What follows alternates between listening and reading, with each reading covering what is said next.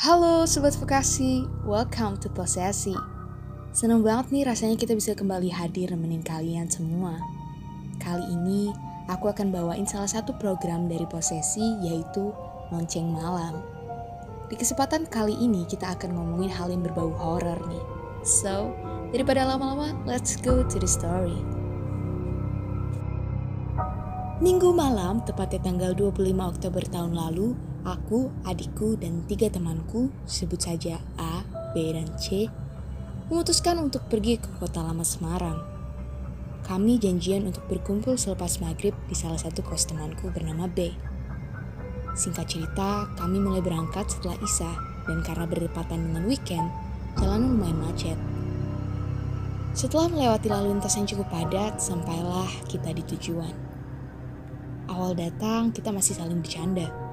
Foto-foto di spot yang menarik, tapi tetap mengutamakan kesopanan karena kita tahu kita berada bukan di tempat kita. Sampai di suatu jalan di komplek kota lama, banyak sekali orang-orang yang menggunakan kostum hantu. Sebenarnya aku dan yang lain agak ragu untuk masuk ke jalan itu. Adikku yang kebetulan sensitif terhadap mereka mengatakan tidak mau menyusuri jalan itu tapi aku dan temanku yang lain menenangkan kalau tidak akan terjadi apa-apa. Kemudian lagi kedua temanku juga lumayan peka mengenai mereka. Singkat cerita, akhirnya dengan takut-takut kami jalan ke dalam dan kebetulan ada pohon beringin di sana. Karena memang tempatnya bagus, akhirnya kita foto-foto di dekat beringin itu. Setelah giliranku dan adikku untuk berfoto, dia meminta untuk bertukar posisi yang akhirnya aku di dekat pohon beringin. Setelah puas, kita melanjutkan mengelilingi jalan di kota tua dengan sesekali berhenti untuk berfoto. Kita pun memutuskan untuk ke salah satu minimarket yang tersedia di kota lama untuk membeli minum. Pada saat itu, aku merasa sangat lelah dan mual yang berlebihan, tapi masih bisa kutahan. Karena hari sudah malam dan keadaanku yang bisa dibilang tidak memungkinkan, Akhirnya kami pun pulang kembali. Temanku si A berpamitan untuk langsung kembali ke kosnya karena memang dia yang paling jauh. Di perjalanan pulang, aku meminta adikku untuk duduk di depan karena aku memang sudah lemas sekali. Temanku si B dan C mengajak mampir sebentar untuk membeli makanan karena dipikirnya asam lambungku kambuh. Setelah sampai di kos si B, kita pun makan bersama. Tetapi saat aku mulai mencoba untuk makan, mualku semakin terasa. Aku membaringkan badanku di lantai kamar. Temanku si B dan C keluar untuk mencuci piring. Saat itu, aku dan adikku saling berpandangan. Seakan tahu pikiran satu sama lain. Lalu aku berkata, Ah enggak, paling asam lambungku emang kambuh. Saat itu di kamar kosan pun aku berfoto-foto. Akan tetapi, foto itu tidak seperti aku. Aku menunjukkan hasil fotoku ke adikku. Kayak bukan aku ya, cantik banget. Sambil tertawa lirih. Kemudian, karena tidak enak, aku dan adikku pulang ke kosku.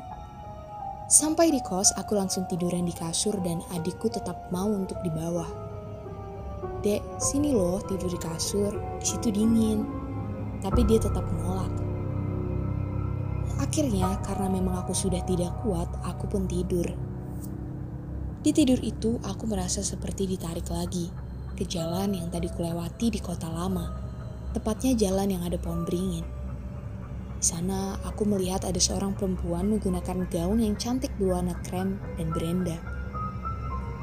Di sekitarnya ada seorang anak kecil yang berlari-lari ke arah bangku yang ada di situ. Seketika, aku langsung buka mata dan lari keluar kamar untuk muntah. Setelah muntah, aku kembali ke kamar. Gimana? Lega mbak? Tanya adikku. Aku menceritakan apa yang aku rasakan tadi dan dia bilang, Emang ada yang ngikutin kamu mbak, tapi emang tadi kan nyangkal. Sebenarnya kamu juga udah ngerasa tuh mbak. Tapi gak apa-apa, udah balik lagi kok dia. Balik tidur aja. Aku pun balik tidur lagi dan adikku mau untuk tidur di kasur. Besok paginya badanku sudah mendingan dan kita memutuskan untuk pulang ke rumah. Setelah sampai di rumah, aku dan adikku cerita ke orang tua dan kita sempat dimarahi oleh bapak.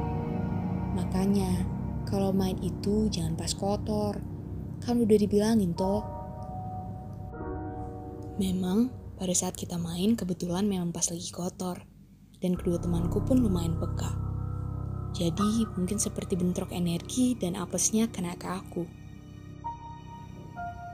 Malamnya aku cerita ke temanku si A kalau aku di kota lama ada sesuatu.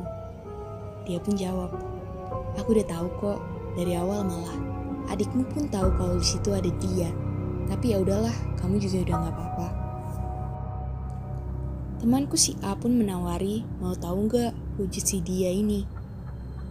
Karena memang aku ingin tahu apakah sosok dengan yang aku impikan malam itu sama, aku pun mengiyakan. Si A akhirnya mendeskripsikan sosok dia. Dia itu noni Belanda, cantik banget. Gaunnya bagus, warna krem renda. Pakai topi warna putih keemasan. Pas kita jalan mendekat, dia udah liatin kita sambil menyeringai. Seketika aku kaget, karena memang sama persis dengan apa yang ada di mimpiku. Cuma bedanya, di mimpiku hanya terlihat bahu ke bawah. Aku pun bilang ke adikku, dan dia pun mengiyakan ciri-ciri tersebut.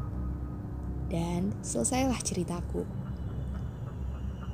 Pesan buat kalian yang dengerin podcast ini, tetap jaga kesopanan di mana pun kalian berada ya.